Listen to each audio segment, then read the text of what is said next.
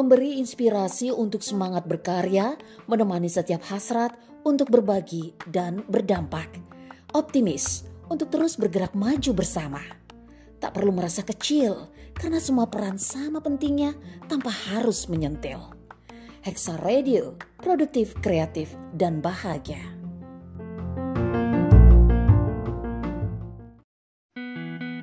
Inspirasi bisa datang dari mana dan dari siapa saja. Setiap cerita dan kisah memberikan semangat, energi, dan motivasi dalam hidup kita. Inspirasi hari ini bersama Indah Laras hanya di Hexa Radio.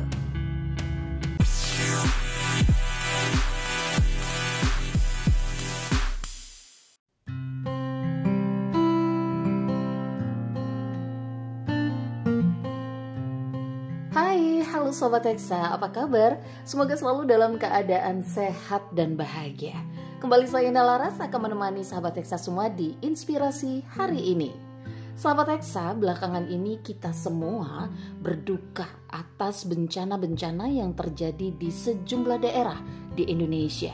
Belum lagi peristiwa-peristiwa sedih lainnya yang terjadi yang mungkin terlalu banyak untuk kita sebutkan longsor di Sumedang, jatuhnya pesawat Sriwijaya Air, banjir besar di Kalimantan Selatan, banjir tahunan yang terjadi di Sumatera Barat, gempa di Sulawesi Barat, banjir dan longsor yang terjadi di Manado, kemudian juga awan panas di Gunung Semeru dan erupsi Gunung Merapi. Dan rekor baru COVID-19 di awal tahun ini 14.000 kasus aktif per hari. Rumah sakit penuh, tempat pemakaman semakin sulit untuk dicari.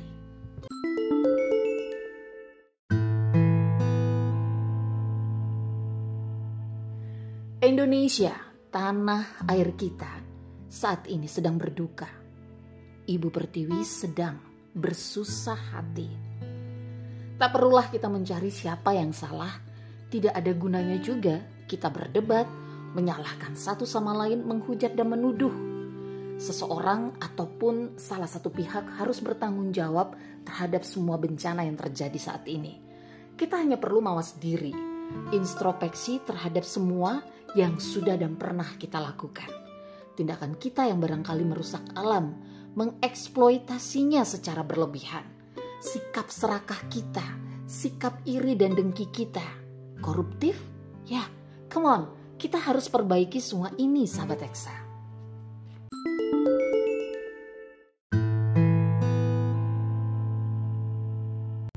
Sisi lain, sadarkah kita bahwa di tengah-tengah bencana banyak sekali hal-hal baik dan kisah-kisah inspiratif yang terjadi.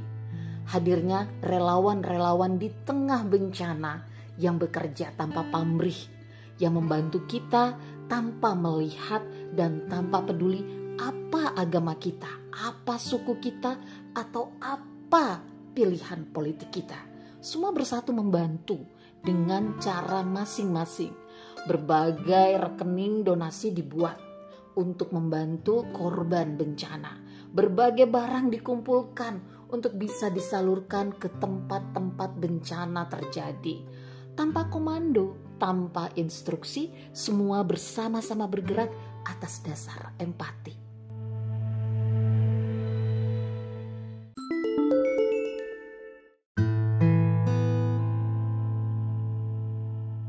Memang kita perlu diingatkan bahwa sebagai manusia kita punya nilai-nilai luhur. Empati dan juga ketegaran hati menghadapi bencana adalah sebagian dari nilai-nilai luhur yang kita miliki sebagai manusia. Menginspiratif. Masih ingat sahabat Eksa dengan Israel, bocah berusia 4 tahun korban gempa dan tsunami yang terjadi di Donggala dan Palu September 2018 lalu kita belajar ketegaran yang luar biasa dari bocah ini. Kehilangan ibunya dan juga saat itu ayahnya sedang dirawat karena terluka cukup parah saat kejadian. Bocah empat tahun ini sangat tegar dan tidak menangis saat menceritakan ibunya yang tewas akibat bencana tersebut. Saya nggak boleh nangis, saya harus berani. Mama sudah di atas. Kalau saya nangis, Mama juga ikut nangis. Kata-kata sederhana yang diucapkan oleh seorang bocah usia 4 tahun saat tahu ibunya sudah tewas dan ayahnya masih terbaring di rumah sakit dengan luka yang parah.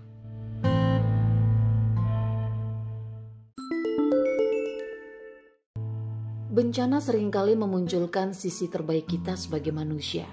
Hadirnya para filantropi, sang dermawan, baik dalam senyap ataupun tidak, adalah hal yang patut kita syukuri bahwa masih banyak orang baik di luar sana yang peduli dengan keadaan kita. Bahkan banyak juga orang yang peduli di tengah keterbatasan yang mereka miliki. Seperti kisah Yasmin Saman Ahmad, bocah usia 6 tahun dari Makassar, Sulawesi Selatan yang menyumbangkan tabungannya sebanyak 448.800 rupiah untuk penanganan wabah corona. Bocah berusia 6 tahun ini ikhlas tabungannya selama 2 tahun yang dikumpulkannya diberikan untuk pengadaan APD tenaga medis. Ya, berbuat baik memang tidak perlu menunggu hingga kita kaya dan berlimpah harta sahabat Eksa. Kedermawanan itu sikap dan memberi tidak akan membuat kita miskin.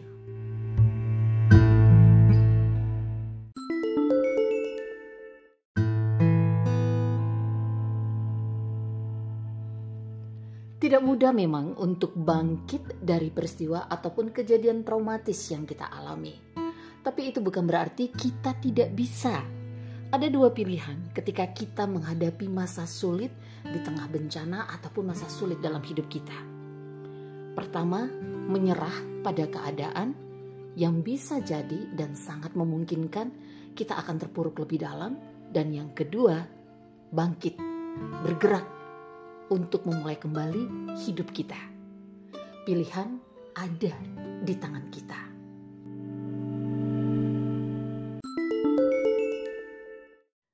Kasih sahabat Teksa telah menyimak episode kali ini. Sampai bertemu di episode selanjutnya.